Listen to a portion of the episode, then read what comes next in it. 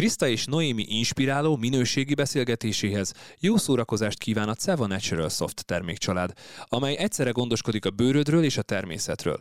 Termékeik színezék, illatanyag és allergénmentesek, valamint 100%-ban biológiailag lebomló rostokat tartalmaznak.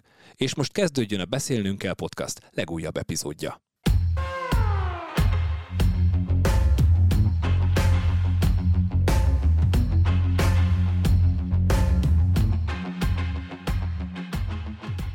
Sziasztok, üdv mindenkinek ez a Beszélnünk kell podcast negyedik évadának második epizódja. Én Détót Kriszta vagyok, a VMN stúdiójából köszöntünk benneteket. Itt van velem állandó beszélgető társam, orvostót Noémi klinikai szakpszichológus. Szia Noémi! Szia Kriszta, sziasztok! És ahogy megszokhattátok, Filákovics Radojka szerkesztőnk az üvegfal mögött.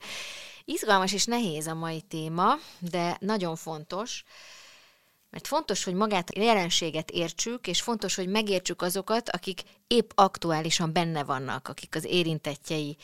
Nekem meggyőződésem, hogy ez a megértés és ez a tudás viszel bennünket ahhoz, hogy kevesebb legyen az áldozathibáztatás, hogy több a jó, értő és hatékony odafigyelés és odafordulás, segítség, akár másoktól, akár saját magunktól, és így a nap végén kevesebb legyen az áldozat. Én azt látom, és ezt tapasztaljuk a témába vágó VMN tartalma komment szekciójában is, hogy azok az emberek, akik nem tapasztaltak még soha bántalmazást, érzelmi bántalmazást mondjuk, azok gyakran nagyon nehezen értik meg azt, hogy egy-egy érintett miért marad benne bántalmazó kapcsolatában. Mondván, hogy hát hiszen ott az ajtó, ki lehet rajta menni, ez egy döntés kérdése, mint hogyha bántalmazotti lét az valamiféle választás vagy döntés kérdése lenne, de nem az. És úgy érzem, hogy ezt itt már az elején jó elmondani, és nem elég, nem lehet elég sokszor elmondani. Jól érzem ezt? Abszolút jól érzed. Egyébként nagyon érdekes, hogy amikor valaki ilyen elvágólagosan fogalmaz, és, és a saját valóságából csak tud ránézni ugye a körülötte történő helyzetekre, eseményekre, ott az nekem mindig felveti azt a kérdést, hogy ő, ő tényleg soha nem volt még életében bántalmazott. Aha. Tehát, hogy nagyon gyakran én azt érzem, hogy ezek a sarkos megfogalmazások, amiket mondtál, hogy miért marad benne, én már régen elmentem volna, azok mögött igazából nem is ez áll, hogy, hogy van benne egy saját képességébe vetett hit, hanem van benne egy ilyen um, merev gondolkodás, ami nagy valószínűséggel valami fajta ilyen um, korai tapasztalatra vezethető vissza. Mm. Szóval, hogy szerintem egy, egy egészséges, érzelmi életű ember, ő tud annyira empatikus lenni, hogy tudja, hogy hát lehet, hogy én azt gondolom, hogy neki menni kellene, és ez lenne a válasz, de ez az én gondolatom, ez az én véleményem, ez az én érzésem, ez az én ö, lehetséges cselekvésem lenne, hogyha ilyen helyzetben lennék, de a másiknak más készlete van, uh-huh. megküzdési készlete, más kapacitása, és más lehetőségei is vannak. Ráadásul az áldozathibáztatás, mint olyan, az egyfajta hát már egy hárítási mechanizmusból indul ki, hiszen abból indul ki, hogy ha én jó leszek, akkor nem igen, történhet hát, meg igen. velem. Ez nem? az igazságos Tehát, világba vetett, vetett hit. hit ö, tulajdonképpen, amit ö, bekapcsol, hogy a rossz dolgok a rosszakkal történnek, a jó dolgok történnek a jókkal, ha én jó vagyok, akkor velem rossz dolgok nem történnek, pont. És akkor így két ö, részre lehet osztani a világot, vannak a rosszak, akikkel megtörténnek a rossz dolgok, és vannak a jók, akikkel meg nem. Hát ez ugye nettó kamu, mert hogy bizony a jókkal is megtörténnek a rossz dolgok, és, és hogy ez nem, az élet az nem így vált, válogatja meg, hogy éppen kit milyen élethelyzetbe hoz. Persze a múltunk az, az vastagon meghatározza, hogy, a gyerekkori élményeink, hogy kapcsolati szinten például mit tartunk elfogadhatónak és, és mm, természetesnek. Na hát erről, erről fogunk beszélgetni, hogyan válunk azzá, akik vagyunk, hogy hogyan válunk azzá az emberré, aki azt teszi a másik emberrel egy-egy kapcsolatban, amit. és hogy van-e kiút, a kiútat hol lehet keresni, de tényleg, tehát hogy ha már azt, az egymás nem megértését hoztam fel itt a bevezetőben, tényleg az az érzés az embernek, mint hogyha egy külön nyelve lenne a bántalmazás áldozatainak, a túlélőknek, hogy vannak bizonyos kifejezések, amelyek, amelyeket az ember akkor ismer meg, uh-huh. ha csak nem szakember, uh-huh. vagy újságíró, hogyha ha benne van. Ha megélte. Ha megélte. És próbál válaszokat keresni arra a jelenségre, szavakat találni arra, amit érez, meg amit, amiben, aminket ilyen ez a trauma kötődés, vagy a traumás kötődés is. Ugye ennek a külön nyelvnek ez az egyik szakszava. Egyébként az, hogy traumakötődés és traumás kötődés, ez egy és ugyanaz? Persze. Jó, tehát akkor ez csak egy ilyen Igen. kvázi fordítási Igen. különbség. Szóval nekem az az érzésem, hogy menjünk egy picikét vissza ahhoz, hogy megértsük azt, hogy mi is ez a traumás kötődés, hogyan alakul ki, mit élnek át azok, akik benne vannak egyik vagy másik oldalról. Szóval nekem az az érzésem, hogy néhány alapfogalmat tök jó lenne tisztázni, vagy akár újra elővenni, hiszen ebben a műsorban már beszéltünk részletesebben bántalmazásról és, és traumáról is. Kezdjük a traumával, ami ugye neked ráadásul a szakterületed is. Mit jelent ez a szó? Mostanság nekem az az érzésem, mint hogyha a csapból is a trauma folyna, az folyna, hogy nagyon sokat elővesszük ezt a szót, rásütjük mindenre, sokat használjuk. Arról van-e szó, hogy elkezdtünk ránézni a trauma jelenségére, annak hatásaira, vagy arról van szó, hogy elkezdtük ezt kicsit feleslegesen vagy rosszul használni? Hát arról van szó, hogy ö, kinyitottuk a tabuknak a, a szelepét egy kicsit tényleg, mint hogyha így eddig így ö, tagadtunk volna mindent, hogy ugyan már, ne játsz meg magad, ez nem fájhat, szorítsd össze a fogad. Generációk nőttek fel ilyen üzenetekkel, amikor amikor megtörténtek olyan fájdalmas dolgok, amikre most már traumaként hivatkozunk, ám akkor bagatelizálták, vagy az élet természetes velejárója, velejárójának tartották. Tehát, hogy az, hogy kemény testi fenyítés, akár családban, akár mondjuk iskolában, az teljesen hétköznapi dolog volt még a nagyszüleink, szüleink idejében. És nem lehetett beszélni az érzésről, hogy, hogy pofonok, amiket kaptak mondjuk nagymamák, nagypapák, azok életük végéig elkísérték őket. Erről nem lehetett beszélni. Ők sem gondolták, hogy erről beszélni kellene. Aztán egyszer csak úgy ö, évtizedek távlatából derült ki, hogy ja, hát ott viszik magukkal, hogy igazából az egész életüket meghatározta az, hogy szeretetlenségben nőttek fel.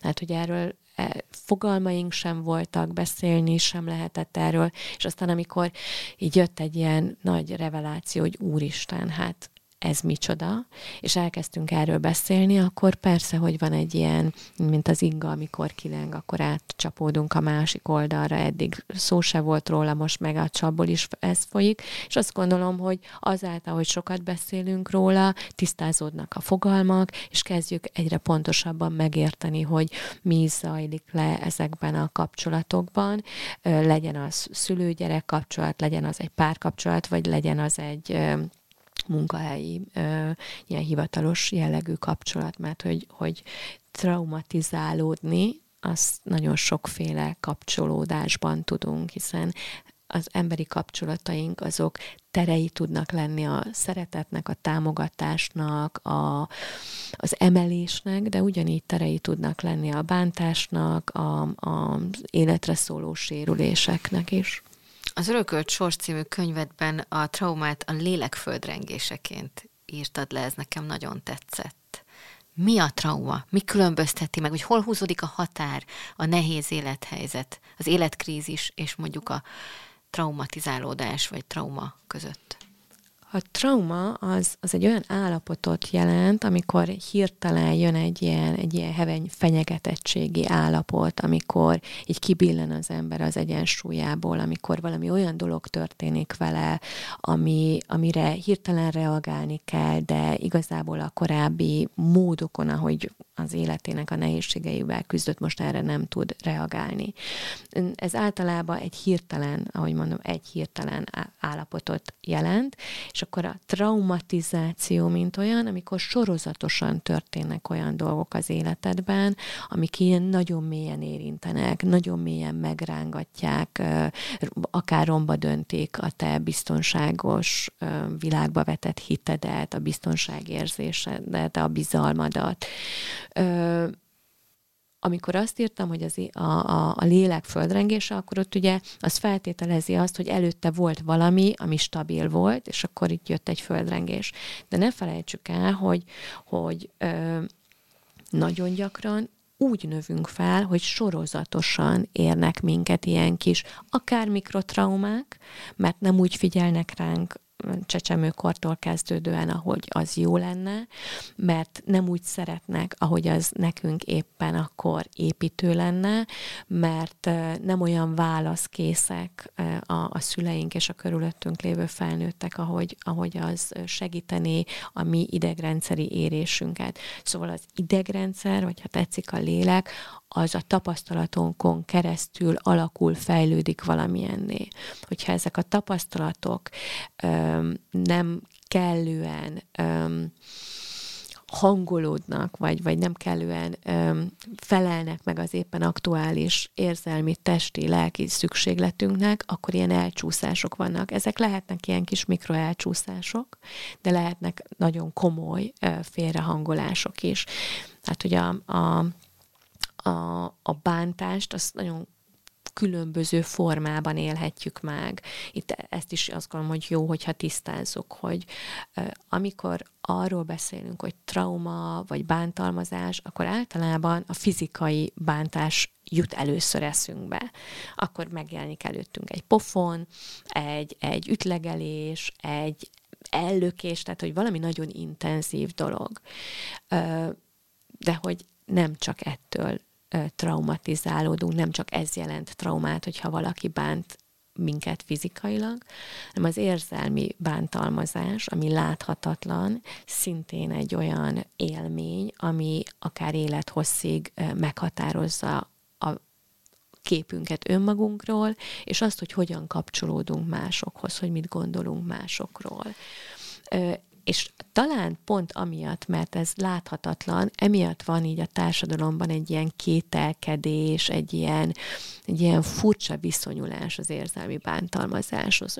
Túlérzékeny volt, felhúzta az orrát, nagyon a szívére vette, mert hogy megfoghatatlan, mert hogy nem úgy hagyja a nyomokat, amik láthatóak, és maga az áldozat is nagyon gyakran elbizonytalanodik, hogy az tényleg bántás volt vegyünk csak egy gyereket, aki úgy nő fel, hogy hogy mondjuk a családban így kap ilyen megalázó mondatokat, vagy, vagy amikor nem úgy teljesít, ahogy azt a szülei elvárnák, akkor, akkor nem kapja meg azokat a szeretetnek azokat a jelzéseit, amit egyébként olyan jó lenne megkapni. Az is érzelmi bántalmazás, hogy, hogy függvénye lesz a te valamilyenséged a, a szeretet. Hogy a szeretet jutalom. Igen, hogy a szeretet jutalom. Ez nem önmagától értetődő dolog. Van. Az így ebben, a, ebben az egész traumás kötődés uh, témában ez egy, ez egy kulcskérdés, hogy, hogy ugye bántalmazóvá válunk, nem születünk. Így van. És ez, ez nagyon fontos, ez egy tapasztalat, és hogy ezért időzzünk el most egy picit annál a kisgyereknél, akit otthon nem jól szeretnek, aki azt tanulja meg, hogy a szeretetért mindig valamit tenni kell. Mi zajlik le? Mi, mi az, ami, hogyan hat ez, a, ez az élmény, akár hosszú távon erre a gyerekre? Hát ez egészen konkrétan idegrendszer, átstruktúrálja az idegrendszert, és megváltoztatja az idegrendszernek a működését. Ugyanis amikor ugye az alapállás az az lenne, hogy a szeretet az az evidencia a családban, az odafordulás az evidencia, a gyengétség az evidencia. És amikor ez nem az, amikor feltételhez szabott, akkor azt a gyerek érzi, és, és egy ilyen állandó stressz helyzetben van. Ilyenkor, amikor stressz helyzetben vagyunk, akkor ö, adrenalin, kortizol, stresszhormonok ö, szabadulnak fel a szervezetünkbe, és akkor várjuk azt, hogy ezt valahogyan hogyan lehetne csillapítani. És akkor a gyerek már nagyon korán rátanul arra, hogy hogyan tud a környezetéből valami pozitív ö, reakciót ö, kinyerni, vagy hogyan tudja a negatívat elkerülni. És olyankor pedig ö, endorfin szabadul fel, amikor végre megölelnek Jaj, de jó. És akkor kialakul uh, egy, ilyen, egy ilyen ciklikussága ennek az egész történetnek, hogy felszalad a stresszhormon szint, akkor valamit uh, teszek, próbálkozom, hogy, hogy mégiscsak a másiktól kapjak valami odafordulást, akkor odafordul, akkor jön az oxitocin, endorfin, dopamin szabadul fel a szervezetemben, tehát jutalomértékként élem meg a másiknak a jelenlétét, mert egyébként az, tehát a kapcsolódás, a, a, a személyes kapcsolódás, az az, alapjáraton jutalomértékű, tehát hogy az már a gyerekek pici újszülöttek is megélik, hogyha megérintik őket, hogyha felveszik őket, akkor az egy, az egy jutalomértékű élmény. Csak itt a probléma az, hogy ez feltételhez van szabva, vagy kiszámíthatatlanul jön ez a jutalom.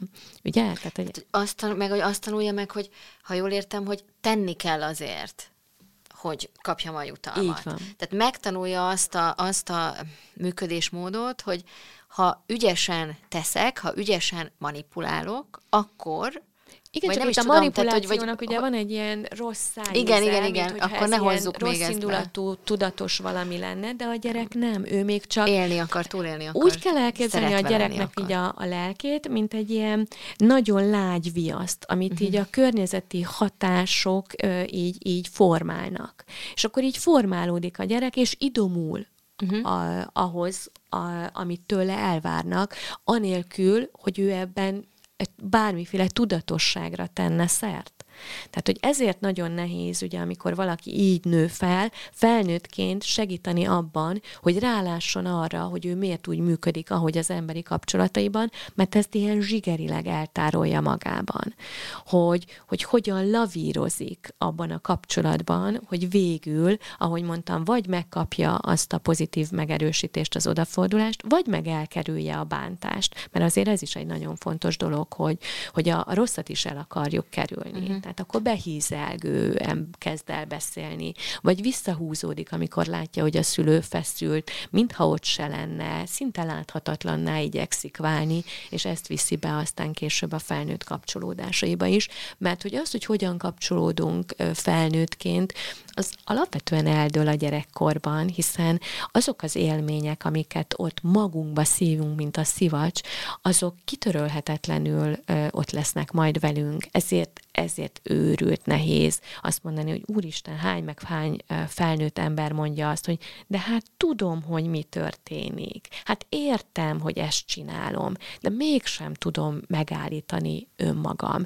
Mégis ott vagyok egy olyan kapcsolatban, ami, amiben nagyon-nagyon-nagyon sok bántás van, amiben nem érzem azt, hogy, hogy felszabadult vagyok, hogy szárnyalok, hogy önmagam lehetek. És akkor ez hogy van? Hát ez úgy van, hogy az okos agy, az agykéreg, az sokkal később mm. huszalozódik be, és ráláthatsz te nagyon sok mindenre, láthatod a racionális összefüggéseket, és aztán mehetsz bele, nagy léptekkel gyalogolhatsz bele a legnagyobb bántásokba is. Az, jó, itt most már belefolyunk abban, hogy azok, akik nem bántalmazóként, hanem bántalmazottként élnek egy ilyen kapcsolatba, vagy kerülnek be, mondjuk akár újra és újra ilyen kapcsolatokba, ők hogyan nyúlnak rá ezekre a kapcsolódásokra, hogyan találnak rá. Tehát, hogy ugye itt, itt, itt két oldalról kell szerintem ezt megközelíteni, mert ahogy nem születünk bántalmazónak, bántalmazottnak sem születünk.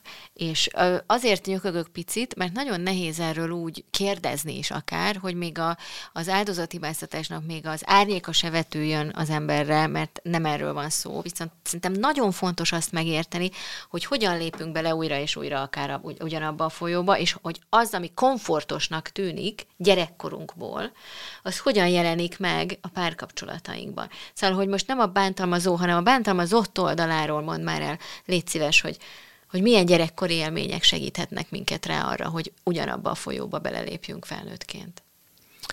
Ö, ugye ahhoz, hogy ezt így megértsük, a, azt hiszem, hogy a kötődés fogalmához érdemes nyúlni.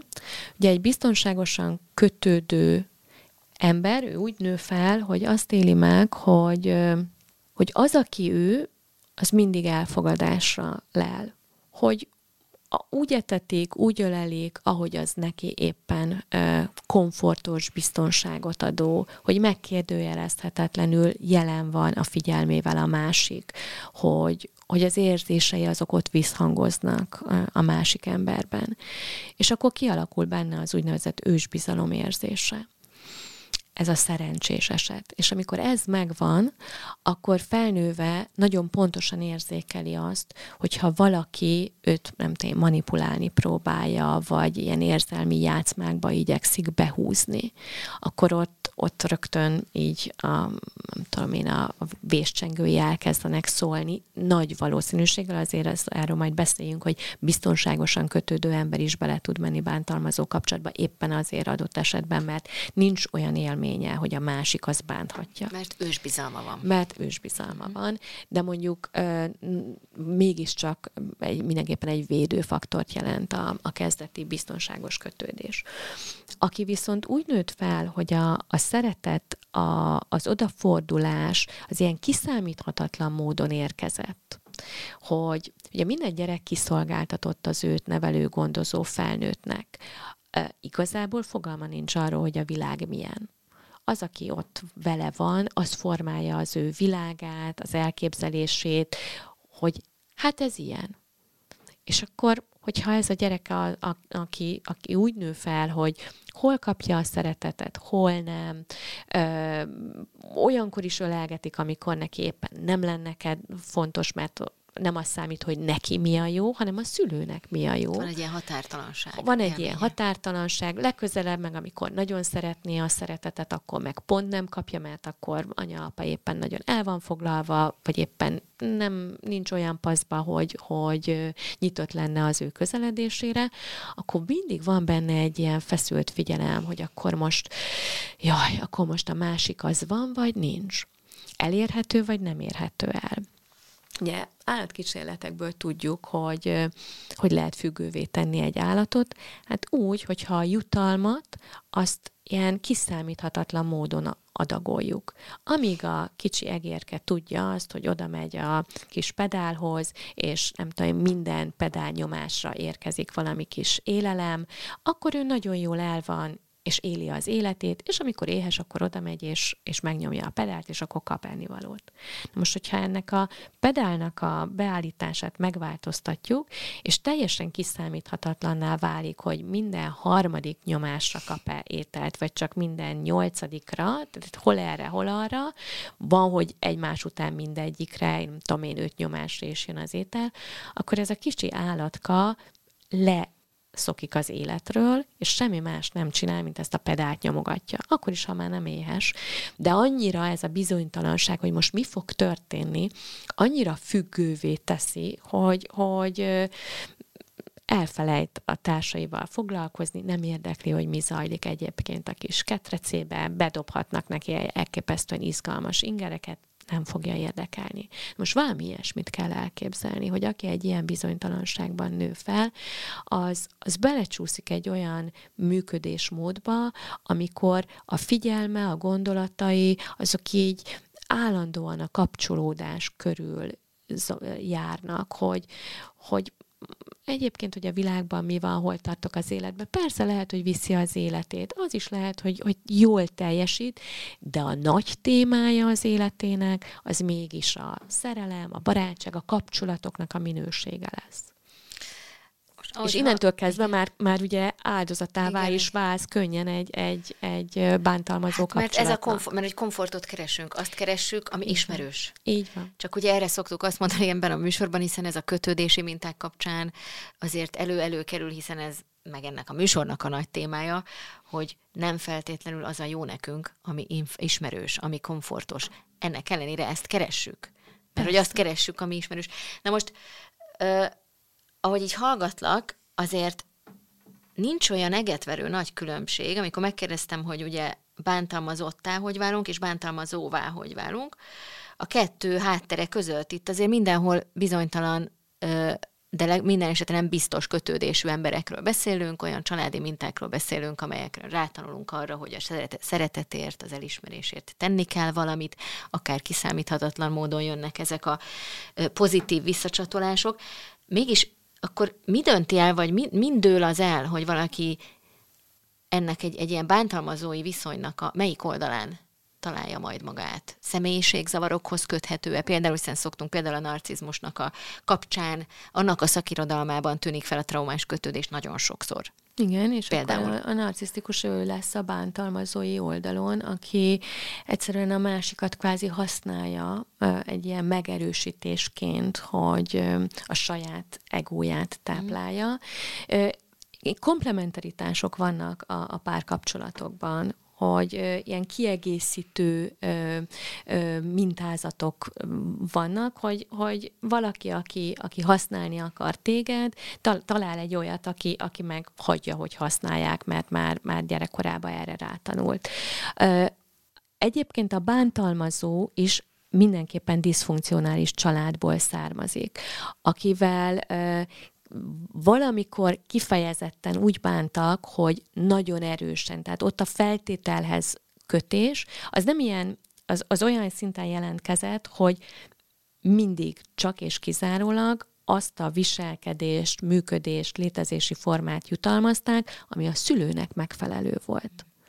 Ugye az áldozati oldalon ott nem lehetett tudni, hogy mit jutalmaznak és mikor jutalmazzák. Ott volt egy ilyen, egy ilyen nagy kiszámíthatatlanság.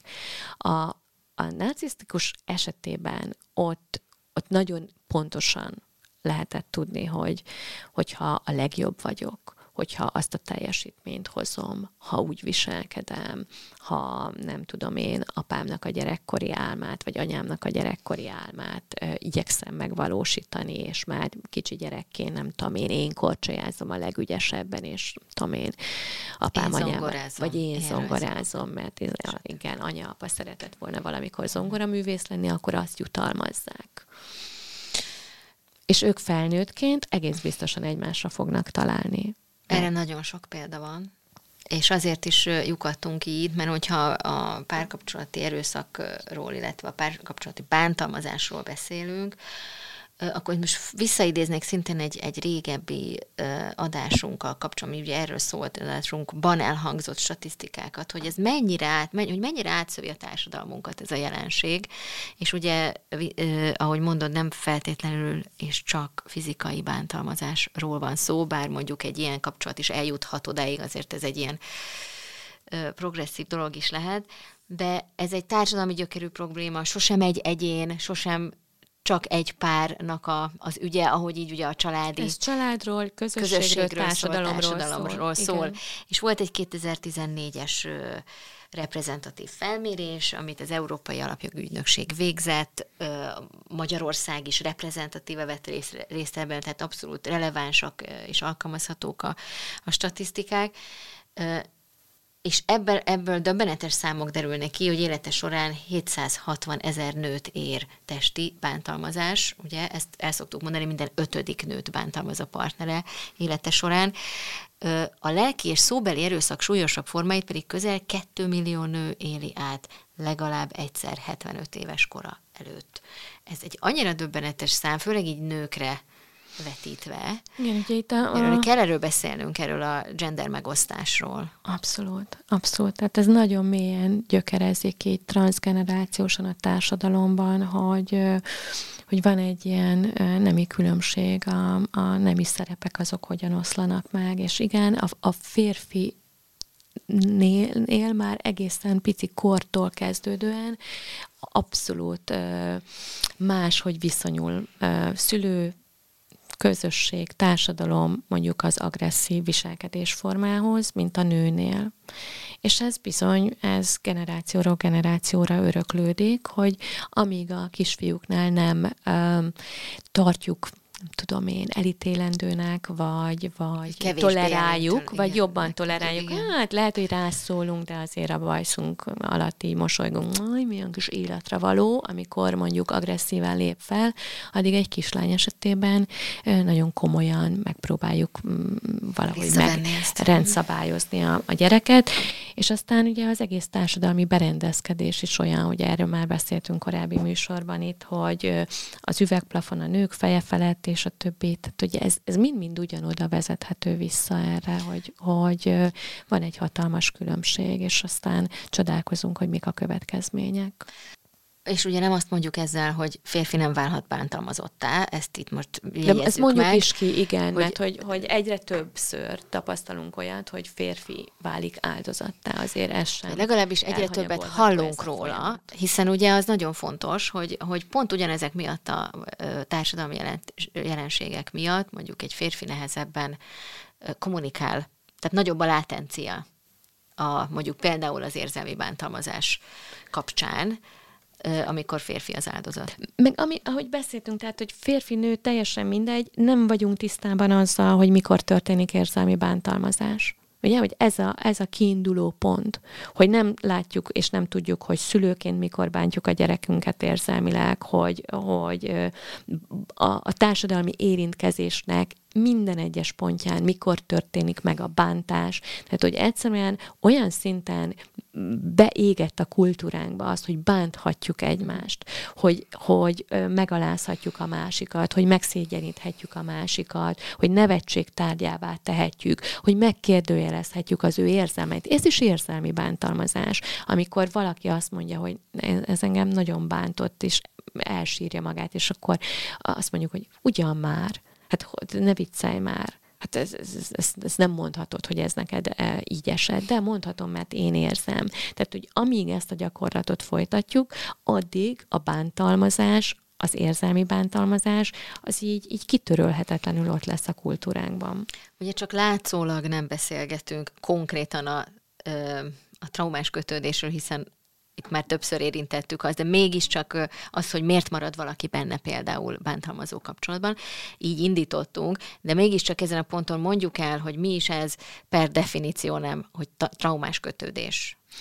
Ez, ez azt az állapotot jelenti, amikor valaki mélyen bekötődik egy olyan emberhez, aki, akitől ő a szeretetet, a támogatást remélné, ám azt csak időnként kapja meg, és a szeretet és a támogatás jelzései mellett nagyon erősen, mert ez itt azért mondom, hogy jelzései mellett, mert ez nem valódi szeretet, amit kap, meg nem valódi elfogadás, rendszeresen kap negatív mm, visszajelzéseket, bántásokat a másiktól.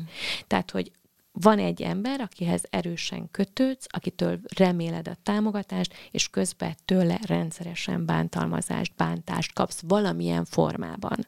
Érzelmileg, fizikailag, szexuálisan, gazdaságilag, társadalmi szinten különböző megjelenési formái vannak a, a, a kapcsolati bántalmazásnak. Most ugye amitől ez igazán pusztító, az az, hogy, hogy nem mindig a bántás van. Tehát valamiért... A- Azért mondtam, Tehát van egy- van hogy, ez a hogy időnként kapja a igen, a szeretetnek jutalom. a, a, a jelzéseit, Igen. vagy olyasmiket, amikről azt gondolhatja, hogy ez szeretet, és aztán kapja a a bántást. Most leértékelést. így van. a- Uh-huh. De most igazából ezt úgy lehet leginkább elképzelni, hogy ugye a szeretet és a bántás, ez igazából ez a közelség és a távolság. Odaengedlek magamhoz, én, mint bántalmazó téged a bántalmazottat, akkor megéled, hogy jaj, akkor szeretve vagy. Nyilván nem, mert a következő pillanatban, ami ki tudja, hogy mi- miért és mikor következik be, meg eltollak magamtól, és akkor azt éled meg, hogy megszakad a kapcsolat, vagy azzal fenyegetlek, hogy akár megszakadhat ez a kapcsolat, benned elindulhat egy olyan fantázia, hogy akkor itt most mindennek vége. Aztán megint visszahúz. Ez egy nagyon komoly biokémiai függőségi állapotot eredményez. Mert amikor közel vagy, akkor ö, dopamin, endorfin, oxitocin ö, hormonok szabadulnak fel benned, tehát ez egy nagyon finom, jó leső biokémiai állapotot jelent, ez egy jutalomértékű. Jaj, de jó, most akkor, most jóban vagyunk, most szépen szól hozzám, most küld szerelmes üzeneteket, most úgy érzem, hogy lehet arról beszélni, hogy majd, majd két hónap múlva hova megyünk nyaralni. Aztán utána történik valami, és akkor hirtelen, akár minden előzmény nélkül, egyszer csak eltávolodik, vagy bánt. Ugye különböző formái vannak egyébként ennek a úgynevezett sivatagos időszaknak, amikor így éppen ellök magától a bántalmazó, akkor megszakítja veled a kapcsolatot, vagy éppen ócsáról, akkor pedig a stresszhormonok szintje emelkedik meg eszméletlenül a szervezetedben, amit te megpróbálsz valahogy csökkenteni, és keresed azt a módot, hogy hogyan tudnád ezt csökkenteni, és mivel ő váltja ki akár a stresszt, akár ő adja a, a megerősítő biokémiai élményeket, ezért aztán nála fogod keresni, őt akarod valahogy Meg arra reméled, rávenni. hogy majd olyan lesz, mint a, abban a finom állapotban, amikor ott ez egy Így őrületes érzelmi van. Nek- Én a szerfüggőkre asszociálok ebből. De ez, ez igen, ez pontosan, ez egy ilyen függő állapot. Tehát egy Mm. abszolút függő államot. Ezért mondjuk azt ugye, hogy, hogy a, a kapcsolati függőség is ö, ugyanolyan, ahogy mondtad, mint a, mint a szerfüggőség, és ezeknek, a gyök, ezeknek is a, a korai, gyermekkori kapcsolati traumák a, a gyökerei. Tehát ott sérült valami alapvetően, és aztán felnőttként így, így belesodródsz egy ilyen nagyon hasonló Ismerős. dinamikába, ismerős, é, aminek ugye, ahogy mondtam, megvan ez a jellegzetes biokémiai kaszkádja. Ugye mondtam itt az elején, hogy tényleg olyan, mint a külön nyelve lenne a bántalmazás áldozatainak, hogy amikor az ember néha, amikor az ember egy ilyen élmény után rátalál ezekre a szavakra, akkor ezek, azok, azok is ilyen re- revelatív pillanatok, hogy basszus, ez történt velem. Ez a love bombing, ugye ezt szokták mondani, például ez is egy ilyen úgynevezett, mondjuk így szakszó, bántalmazotti szakszó, hogy az, az a bizonyos időszak, amikor ez a finom állapot előjön a különböző, hát az, a hormonkoktélnak köszönhetően a jutalmazó állapot, Igen, ami igen. amikor- És ez tényleg ez a bombing szó, ez Igen. a bombázás, a szerelemmel, szeretettel bombázás, ez azért nagyon jó, mert valóban ilyen az intenzitása, mint amikor így szőnyek bombáznak egy várost, hogy, hogy akkor azt érzed, hogy úristen, hogy nincs hozzánk fogható pár, hogy a jó az csak mellette történik, olyan intenzitással ölel, húz magához, a verbalitásban is olyan, olyan kifejezések jelennek meg, olyan mondatok hangzanak el, hogy életem végéig csak téged. Ki ne szeretné tudni, hogy élete végéig mi történik, ugye? Tehát az, az, az, az na, nagyon ki van ezt találva vágyunk a biztonság a, a bántalmazó oldaláról. Nincs hozzád fogható. Ki ne szeretné azt érezni, hogy hozzáfogható nincsen. És akkor szépen ez, ez, ez amikor ez a bombázási időszak van, akkor úgy érzed, És hogy erre most nagyon könnyű rá, rákapcsolódni, rácuppanni, ebben, ebben nagyon könnyű hinni, hiszen ezt várjuk gyerekkorunk óta. Persze. Különösen, hogyha ugye gyerekként ez hiányzott, Igen, akkor meg aztán ö, pláne, hogy végre valaki van, aki, aki magához húz, aki felemel, aki színessé, érdekessé teszi az életemet. Általában egyébként a bántalmazók ilyen ö, első látásra, első ránézésre, meg hogyha nem mélyett el az ember a témában, ilyen színes egyéniségeknek tűnnek. Tehát ilyen nagyon intenzív, temperamentummal rendelkeznek, ők úgy megjelennek, és úgy nagyon jelen vannak, nagyon ott vannak. Így beszélnek, így kommunikálnak. Úgy is beszélnek, széles gesztusokkal, elképesztő izgalmasan adják elő a legkisebb történeteket is. Ők tudnak tervezni, és tényleg felvázolnak egy olyan színes jövőt, mindegy, hogy az csak egy hétre szól, vagy nem tudom én, tehát hogy úgy mindenről olyan, ezek ilyen nagyon energikus emberek, ugye beszéltünk arról, hogy, hogy a leggyakrabban ugye a, a narcisztikusok esetében fordul elő az, hogy ők a kapcsolatban a bántalmazói oldalon állnak, és hát ők ilyen színes egyéniségek. Milyen szép a magyar nyelv, lenyűgöző. Lenyűgöző, igen, tényleg lenyűgöznek. Na most az, ez a, ez a lovebombing és a, és a leértékelés és a kettő közötti átmenet, vagy átmenetetlenség, ez egy elképesztően fárasztó, kimerítő élmény tud lenni. Tehát hogy? az, hogy fönt vagyok, lent vagyok, és, és amikor fönt vagyok, akkor sem tudom, hogy mikor jön a következő lent, Pontosan. hiszen ugyanúgy, ahogy a szeretetet nem tudod, hogy mikor kapod, azt sem tudod, már egy, a második, harmadik ilyen eltávolodás, eldobás, leértékelés után az ember már érzi belül, hogy fog jönni egy következő, okay. és biztonságodat vedd, de addigra már rajta vagy a szeren, és, és ugye nem tudod, hogy mikor jön a következő. Ezért aztán elkezdesz, mint a tojáshéjon úgy járni a kapcsolatban. Mert nem tudod, hogy mivel fogod kiváltani a következő leértékelő szakaszt. És ez az, ami talán szerintem a legfárasztóbb.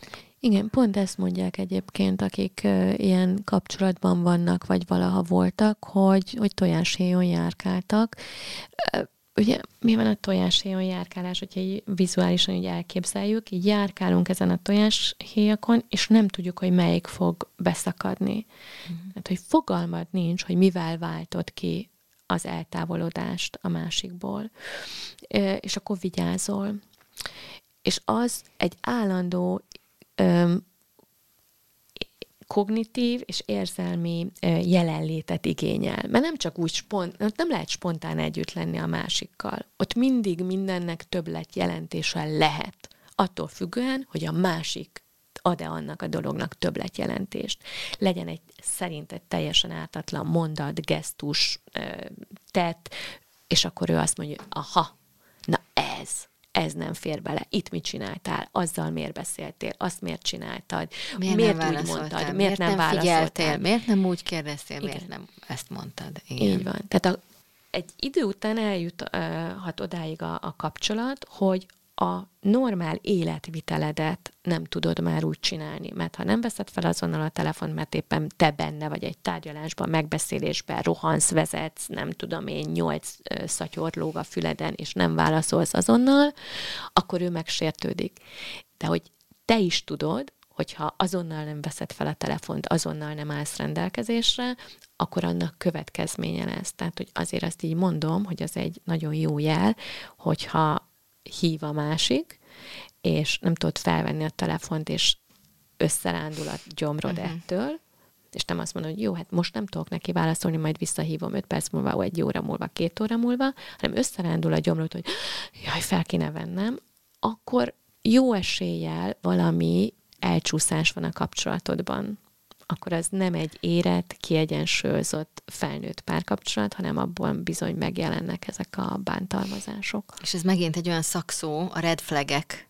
Igen. Ugye ezek a, a vörös poszt, a vörös zászló, a, a vészcsengő jelek, amelyek, amit az érintettek azonnal tudnak, azok a vészjelzések, amelyek, amelyek már akár egész korán a kapcsolatban megmutatkoznak. És itt most már említettünk párat, de szerintem nem baj, hogyha ilyen szempontból is újra csoportosítjuk őket, és elmondjuk, hogy melyek lehetnek azok a korán megmutatkozó jelzések, amikor érdemes gyanakodni, hogy ez nem egy természetes fejlődésű, egészséges párkapcsolat.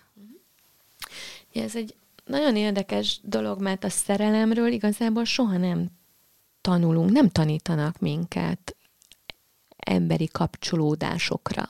És nem tanítják meg azt, hogy, hogy mi az, amire érdemes figyelni, mi mit jelent. Egész felnövekedésünk alatt igazából ilyen nagyon narcisztikus szerelmi kapcsolódási történetek ket szívunk magunkba. Hát az összes mese az ugye, hú, ha jön a fehér lovon a király, és lehengerlő, és azonnal mm, minden nagyon-nagyon minden nagyon, minden nagyon-nagyon történik, mm. és soha egy szó nem esik arról, hogy utána mi van a nagy egymásra találás után. De ugyanúgy a, a, a versek, a, az, az irodalmi alkotások is általában ilyen, ilyen szenvedéssel teli, ilyen nagy fenteket, lenteket ábrázolnak, amik akár azt is sugalhatják, hogy hát ez a normális. És senki nem ül le velünk, és nem magyarázza el, hogy mm, ez nem a normális. Na de akkor nézzük azt, hogy, hogy mik az intőjelek már az elejétől. Az, az egyik intőjel az az intenzitás, ahogy ezek a kapcsolatok elkezdődnek. Mint az úthenger. Általában úgy szoktak belépni az életünkbe ezek a, ezek a kapcsolatok. Akár lehet, hogy még aznap este összeköltözünk, lehet, hogy csak két hét elteltével, de mindenképpen nagyon gyorsan, ami, ami ugye arról árulkodik, hogy nincs meg a egyik vagy mindkét félben az a képesség, hogy az érzelmeit kibírja, akár mondjuk a különlétnek a feszültségét, hanem akkor azonnal költözzünk össze, mert én egy órát se bírok nélkül. Amikor már a jó éjszakát is egy olyan elszakadás, amit nem Így bírok van. ki. Igen, igen. Tehát, hogyha mondjuk távoli a kapcsolat, mert tudom én, ez online a kapcsolat, akkor viszont egy állandó online kommunikáció van. Napi 80 üzenetváltás, végeér, végeérhetetlen beszélgetések vagy csetelések, azok is mindenképpen intő jelek. Most azért nehéz egyébként az elején józanul ránézni erre, mert a szerelem is olyan. Igen, szóval azt akarom mondani, hogy egy jó szerelem azért uh-huh, a mhm. szenvedés az elején belecsap a lecsóba. Igen. Ilyen elára, az elárasztás érzését ne vegyük el a szerelemtől. Igen, de hogy meg tudok-e maradni egy picit a, a jó szerelemnek uh-huh. az elején, azért valahogy maradok önmagam is, és nem érzem ezt a teljes elárasztottságot. Amikor ez a teljes elárasztottság van, akkor az mindenképpen egy, egy jelzés. És a másik az, amit, amit már említettél, hogy ö, ezt egyébként mindenkinek javaslom, hogy amikor valakivel időt tölt, és elválnak, akkor utána kérdezze meg magától, hogy hogy van. Hogy hm. töltődött abban az együtt töltött fél órában, órában, három órában, vagy úgy érzi magát, hogy hú... Átment rajta az úthenger. Átment rajta az úthenger, és most jó lenne hazamenni és lepihenni, és lehet, hogy tényleg hazamegy és lepihen, és itt csak nézi a plafont, mert, mert úgy mindenki folyt belőle, minden érzelem. Most ez szintén egy ilyen red flag kell, hogy legyen, mm. hogyha azt érzi az ember, hogy hogy nagyon-nagyon-nagyon kimerítő volt a másiknak az intenzitása. Lehet, hogy csupa jó dolog történt, öleltük, szerettük egymást, elképesztő mm, intimitás alakult ki, szerelmeskedtünk, téptük egymásra a ruhát, oké, okay, de ha utána az van, hogy Jézusom, kiürültem, és, és, és elfáradtam, és alig tudom magam összerakni, azért az jelzésértékű. És mi a helyzet az ismerősségérzéssel? Azzal, amikor azt, amikor azt érzi a kapcsolat elején az ember, hogy, hogy mintha tükörben nézne. Az is egy, egy ilyen klasszikus red flag, hogy ahogy mondtuk ugye, hogy hogy a felnőtt kapcsolatainkban keressük a korai tapasztalatunkat, és hogyha valaki ezt így behozza, arra így szoktunk ráismerni, hogy Úristen, annyira ismerem a mozdulatait, a létezési formáját, ahogy ő jelen van ebben a világban, ahogy ő jön, megy, beszél, gesztikulál, hangsúlyoz. Mint a világ életünkbe ismertük volna igen. egymást. Igen, és itt megint vigyázni kell, mert tényleg van olyan, amikor valakivel ilyen ki, találkozol valakivel, és van egy egy ilyen jó meccs. Tehát, hogy van ilyen. Hiszen barátságok is nagyon gyakran így kötődnek, hogy... nem meccs, mint mérkőzés, hanem, hanem összeillés. összeillés, így van hogy barátságok is kötődnek így, hogy, hogy nem hosszan dolgozunk együtt, vagy járunk a, ugyanazokra a helyekre, hanem így meg, megállunk, nem tudom én, egy, egy rendezvényen egymás mellett, és a jót beszélgetünk. De az, a, az az összeillés. Én, amiről én beszélek, az, hogy valaki, te is, én is, és ugyanaz, és íze, és minden ugyanaz, és minden ugyanaz, és mennyi hasonlóság van köztünk. Igen. És nyilvánvalóan megint csak azért itt mondjuk el, hogy a kapcsolat elején abban azt keressük, azt hogy keressük, miben, hogy miben, mi, mi, az mi kapcsol minket így össze. Van, így De amikor van. csak olyan van, az akkor ezek szerint gyanús. Abszolút. És akkor amiről még már, már említettünk, az, ez a bizonyos tojáshéj effektus, amikor Igen. nem lehet tudni, hogy miből lesz Igen. balhé, és az apróságokból is képes gigantikus dráma kialakulni. Igen, de ez, ez tehát, hogy senki nem maradna benne egy kapcsolatban, hogyha ez rögtön-rögtön a legelején lenne. Lehet, hogy, rögt, hogy van egy ilyen nagy vonzalom, és egy pici idői eltolódással jelennek meg ezek a, a, uh-huh. a, a megkérdőjeleződésed, a számonkérésed, a, a, nem tudom én, a másiknak az elhúzódása. De először Először hát, a horgot be kell kapni. Hát először ott van az az érzelmi koktél, az a hormonkoktél, amiről beszéltünk. Tehát ami Igen. összehasonlíthat, amit egy, egy egészséges kapcsolat nem tud megadni, mert mert nem, az hát nem ezeket az intenzitásokat ez, olyan nem. intenzitással azon gondolkozom, hogy hívjuk, vagy hívhatjuk ezt szerelemnek, sőt szeretetnek. Ez persze nem feltétlenül kell most itt ebben a filozófiai irányba elmenni, de hogy, hogy valahogy van egy olyan érzésem, hogy aki szeret, az nem bánt. Így nem bánt. Sőt, ez egészen biztos, hogy, hogy igen, szóval, hogy, hogy előfordul, hogy a legnagyobb szeretet mellett is súroljuk a másikat. Mert akármennyire is ráhangolódunk valakire, soha nem lesz az ő megélése a mi sajátunk. Tehát hogy mindig lesz egy, egy különbség, mindig lesz egy ilyen, egy olyan, egy olyan ö, gap, egy olyan rés, amit nem tudunk áthidalni. Mert az én élményvilágom, az soha nem lesz ugyanaz, mint a másik élményvilága. Ez oké. Okay. De itt valami sokkal komolyabbról van szó, szóval, szóval azt nem szeretném, hogy, hogy most az is megijedjen, aki mondjuk így surlódik a, a, a társával, a párjával, és mondja azt, hogy úristen, akkor itt most ő bántalmaz engem, mert nem. Félreértés, nézeteltérés, dráma, nagyon különböző akár. vélemények, dráma, nagy veszekedés, az egy nem bántalmazó kapcsolatnak is szerves része lehet. A kérdés az, hogy utána jön-e a, az a az a vágy, hogy reparáljuk a kapcsolatot, és hogy miközben reparálni akarjuk a kapcsolatot, kölcsönösen tudunk-e felelősséget vállalni. Vagy az van, hogy folyamatosan azt kapod, hogy te vagy a hibás, te csináltad, miattad mhm. távolodtunk el, neked kellett volna nagyobb belátással bírni, te miért mondtad azt, amit mondtál, te miért tetted azt, amit mondtál, és a másikban véletlen sem merül fel az, hogy esetleg ő is aktívan részese uh-huh. volt a kialakult helyzetnek. Ez is mindenképpen egy jelzés, hogyha újra és újra falakba ütközöm. Itt megint fontos elmondani, hogy van olyan stressz helyzet, lélektani állapot, amikor az önreflexiója valakinek nem jól működik, és azt mondja, hogy nem, én ebben be értsd meg, hogy én ebben nem, nem vagyok hibás, mert nem látja a saját uh-huh. részét. Az is lehet, hogy tényleg nem volt hibás benne éppen, akkor ő a tőle telhető mindent megtett annak érdekében, hogy ne alakuljon ki konfliktus. De hogyha ilyen állapot van, ebből ki tud eljönni, és egy idő után tudja azt mondani, hogy figyelj, ott nem láttam, ott nagyon elborult az agyam, de most már látom, hogy mit csináltam meg, meg hogy amit csináltam, az anélkül hatott rád így vagy úgy, hogy én az annak a tudatában lettem volna, vagy én a szándékosan okoztam volna neked azt a fájdalmat. De az, amikor egy bántalmazó kapcsolatban él az ember, akkor azért találkozik azzal az érzéssel, hogy, hogy tényleg ő a hibás.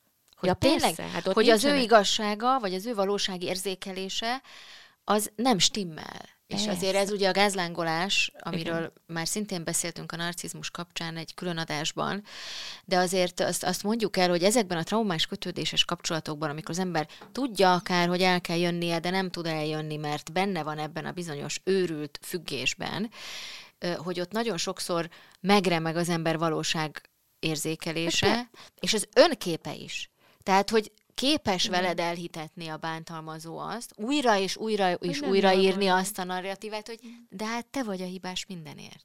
Hogy te vagy a hibás, és nem is úgy van. És Tehát, nem úgy van, az a történet, talán, amit te ö, igaznak hiszel, az nem úgy van. Egyébként ez szintén egy ilyen olyan dolog, amiről a legtöbb ö, bántalmazó kapcsolatban élő ember beszámol, hogy nagyon gyakran azzal keresnek segítséget, hogy már nem tudom eldönteni, hogy mi a valóság hogy most ő tényleg bánt, vagy nem bánt, hogy most mi egy nagyon nagy, mély, intim szerelemben vagyunk, vagy ez lehet, hogy egy bántalmazó kapcsolat? Tehát amikor így megremeg a, a valóságba vetett hited, amikor így elbizonytalanodsz, az mindenképpen jelzésértékű. Na most ez ugye az jó tudni, hogy a valóság egy közös konstrukció azt általában így megosztjuk egymással. Te is úgy érzed? Te is ezt látod? Igen, én is úgy érzem, én is ezt látom.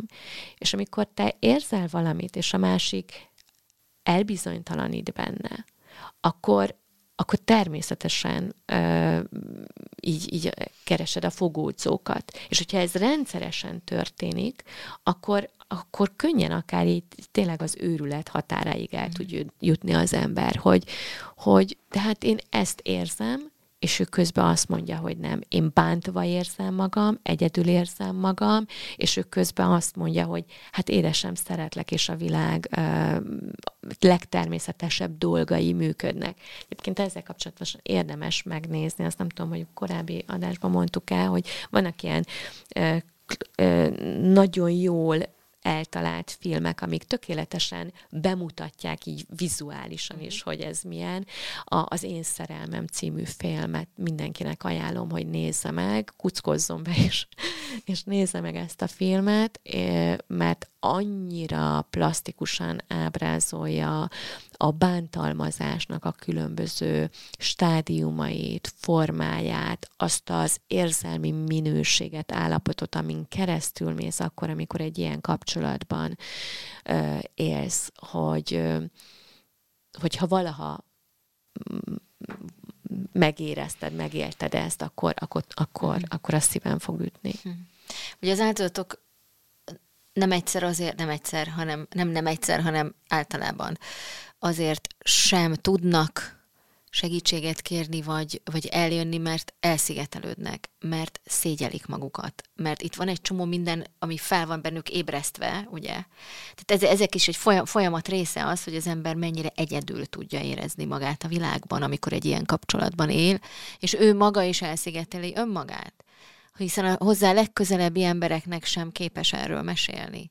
Hát ö, ugye itt az elején azt mondtuk, hogy mert olyan intenzitású ez a kapcsolat. Mm. Most az általában az történik, hogy belelép az illető egy ilyen párkapcsolatba, és akkor az intenzitás miatt nincs is ideje tehát, hogy leválik a szokásos, vagy a korábban meglévő kapcsolati hálójáról mert, mert nincs rá idő, mert, mert minden időt a másik vele akar tölteni, ha nem személyesen, akkor cseteljünk, telefonáljunk, nem tudom én, és hogyha korábban elmentél, nem tudom én, a barátnőiddel moziba, színházba sétálni, nem tudom én, fagyizni, akkor az úgy nem fog beleférni, mert érzed majd, hogy, hogy ilyen kis mikrobüntetéseket kapsz az elején.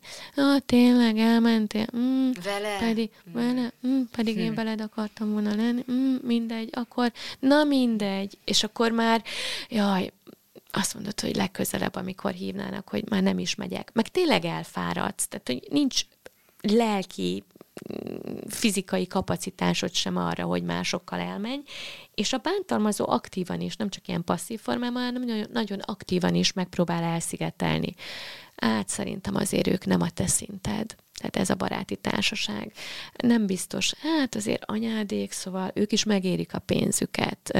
Biztos, hogy mm, nem tudom, minden hétvégén meg kell őket látogatni, vagy most is el kell hozzájuk menni, vagy nem tudom én. És akkor szépen így, anélkül, hogy, hogy érzékelnéd, így lassan-lassan-lassan eltávolít mm. másoktól, és leválaszt. És ahogy mondtam, ugye a valóság, mivel egy konstrukció, kellenek hozzá mások, amik, akik megerősítik, hogy az, amit te megélsz, az a valóság, de hogyha nincsenek mások, hanem csak a bántalmazóval vagy egy burokban, akkor, akkor ugye nagyon, nagyon nehéz ö, hinni azt, hogy, hogy, hogy nem jól alakulnak a dolgok. És aztán persze jön szégyen és bűntudat, meg, meg annak a félelme, hogy most hogy kerüljek én az ő szemük elé a, a korábbi kapcsolataimnak a szem elé, hogyha már így elhanyagoltam hát őket. Igen. És ugye, amit mondtál is az, az elején, hogy nem feltétlenül mindig gyerekkori bántalmazást, vagy gyerekkori elhanyagolást hoz magával az ember egy-egy ilyen bántalmazotti létbe, hanem van egyszerűen olyan élethelyzet, amikor a leg tehát szóval, amikor bárkivel megtörténhet. Bárkivel megtörténhet. Tehát, hogy aki bízik a, a másik emberben, azzal megtörténhet, hogy, hogy hogy csalódik, hogy becsapják, hogy sérül. Hát, hogy belesodródik egy Aki ilyen kapcsolódik, kötődésbe. azzal megtörténhet, hogy a kapcsolatban sérül. Ugye? Tehát, hogy ez akkor lehetne ezt teljesen megúszni, hogyha nem lennénk hajlandóak kapcsolódni. Um, itt a vége felé azért mondjuk el azt, hogy, hogy ez egy rettenetes csapdahelyzet, ezt, ez azért már érzékelhető ennyi idő után ebből a beszélgetésből, de azért vannak eszközök az ilyen helyzetben lévők kezében, amiket itt szokott mondani a szakirodalom, amivel valahogy el, meg tudjuk közelíteni azt a pontot, azt az eszméleti pontot, amikor az én védelmünk mégiscsak bekapcsol. Hogyan mi közelíthet minket áldozatként ehhez a ponthoz? Mi hozhatja el az eszmélet pillanatát? Hú, azért ez nagyon változó, hogy mi hozzá el az eszmélet pillanatát. Van, hogy az hozzá el, hogy, hogy mondjuk a gyerekét is bántja, és akkor felismeri magát a, az illető, a, a gyerek á, a, a, tehát ahogy ránéz a gyerek bántására, felismeri az egykori gyerek önmagát a saját gyerekében, és azt mondja, hogy ja, én ezen mentem keresztül, és én nem akarom, hogy az én gyerekem is így nőjön fel, és akkor, akkor ez lehet. Tehát, hogy ez, ez egy nekem egy picit ilyen misztikusnak tűnik, mert ahány történetet végighallgattam, mindig máshol volt az a pont, ahol a felismerés megtörtént, vagy megtörtént az az elhatározás, hogy ennek véget vetünk. És az elhatározás után még ugye nem biztos, hogy azonnal jön a tett, mert ö, gyakran ugye azt látjuk, hogy már megvan az elhatározás, már megvan a felismerés, de még nem tud tetté formálódni az, akár azért, mert még érzelmi gátja van annak, hogy az ember cselekvésbe fordítsa ezt a felismerést, akár azért, mert ö, még fizikai korlátok, gazdasági ö, lehetetlenségek vannak. Közös gyerek, stb. Igen. igen, szóval, hogy, hogy azért ez is, ö, ez egy, ez egy nagyon érdekes dolog, hogy mikor történik meg. Egy biztos, egyedül nem fog menni. Tehát, hogy aki azt érzi, hogy ilyen kapcsolatban van, ő mindenképpen próbáljon segítséget uh, találni, uh, olyan kapaszkodókat, olyan külső kapcsolatokat, akik értik, hogy miről van szó, akik nem uh, ilyen laikus tanácsokat adnak, uh, hogy tűrjél már, nem tudom én, tehát azért ilyen is nagyon gyakran elhangzik, tehát, hogy professzionális, és nagyon megtartó segítség legyen az. Tehát, hogyha laikustól jön, akkor egy ilyen elfogadó, megtartó, támogató öm, fordulás. Igen, Mert igen. ugye az, az, az, az, az nagyon sok tap, sokszor tapasztalják áldozatok, hogy hogy ez a pontosan ebből a meg nem értettségből, ugye most azért is beszélgettünk, hogy értsd meg, hogy miben van ez az ember. Még akkor is, ha veled sosem történt ilyen, hogy, hogy ne, ne mondj neki olyanokat, hogy, jaj, hát egyszerűen gyere el, pakolj el, ez gyere el. Ez nem ilyen egyszerű, nem véletlenül van az, hogy a statisztikák szerint hétszer próbál eljönni, Pont hetedik ezt... alkalomra jönnek el átlagosan bántalmazó kapcsolatokból emberek, vagy tudják megszakítani a bántalmazójukkal a kapcsolatokat a, be, a bekötődés így, miatt. Így van, hiszen ugye, ahogy, ahogy beszéltünk eddig, hogy, hogy nagyon sokára esik le akár a tantusz. Nagyon fontos például az, hogy, hogy az ember mondjuk a saját érzéseit valahova leírja. Mondjuk legyen a telefonjának egy olyan titkos kis része, vagy olyan titkos jegyzet rész, ahova ő felírja, hogy amikor bántva van, akkor ő mit érez, mi történt, mit érez. Fotózza ki, hogy mi hangzik el. Mi igen. hangzott el akár igen, adott igen. esetben. Vagy és ezekre így nézzen rá, amikor, amikor kijött ebből a helyzetből. Tehát, hogy mert nagyon gyakran megkérdőjelezi a bántalmazott azt is, amit ő megélt. Lásd a gázlángolós. Így van. Legyen ennek nyoma, ezt mondta, ez hangzott el. Ö, érdemes azon gond perspektívát váltani. Mit szólnál, hogyha neked valaki más mesélni ezt? Valaki uh-huh. másról ö, tudnád meg ezt. Ez a történet nem a tiéd lenne, hanem csak hallanád. Akkor mit mondanál rá, hogy mi történik ebben a kapcsolatban? Ez is például nagyon sokat segít, hogy az ember így rádöbbenjen. De, ahogy mondtad, ez van, hogy sokszor ö, kell a kiugrási kísérletet megismételni. Aztán, hogyha sikerült, akkor ott is attól függően, hogy mennyire vannak közös szálak, a, a, az meghatározza majd, hogy mennyire lehet a, a bántalmazótól távol lenni.